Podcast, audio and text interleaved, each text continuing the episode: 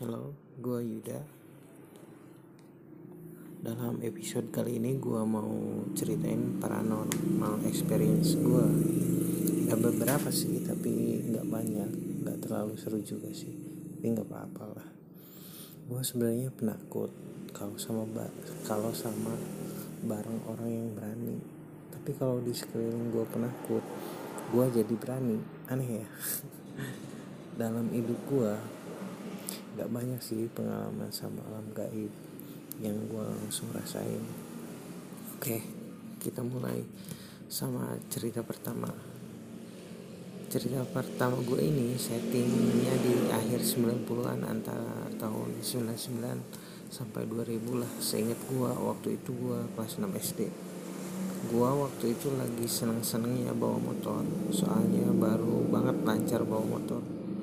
Kalau malam ambil motor terus motoran gak jelas warawiri itu hampir gue lakuin tiap malam bonceng temen gue hari itu gue inget banget hari Kamis gak sabar banget pengen cepet pulang sekolah. Malamnya motoran lagi sama temen gue terus singkat cerita tibalah malam yang gue tunggu-tunggu. Gak mikir panjang. Habis maghrib ambil kunci terus jemput temen gue udah itu baru jemput temen gue satu lagi. Jadi bertiga gitu kayak capek-capekan temen gue yang satu umurnya lebih tua tiga tahun dari gue dia kelas 3 SMP lah. Udah agak dewasa. Jalan yang gue sering lalui emang jalan gede. Jalan penghubung pantai utara sama selatan.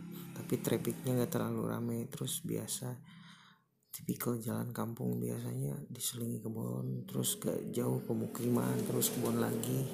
Nah setelah beberapa menit sekitar satu kilometeran kita tibalah di jalan yang berbelok terus sawah ditambah kebun kiri kanannya. Emang sih waktu itu daerahnya terkenal ngeri soalnya agak gelap. Nah lagi asik gua bawa motor di daerah sebelah kiri gua di bukit-bukit itu dari barat menuju timur. Ada bola api besar cepet banget.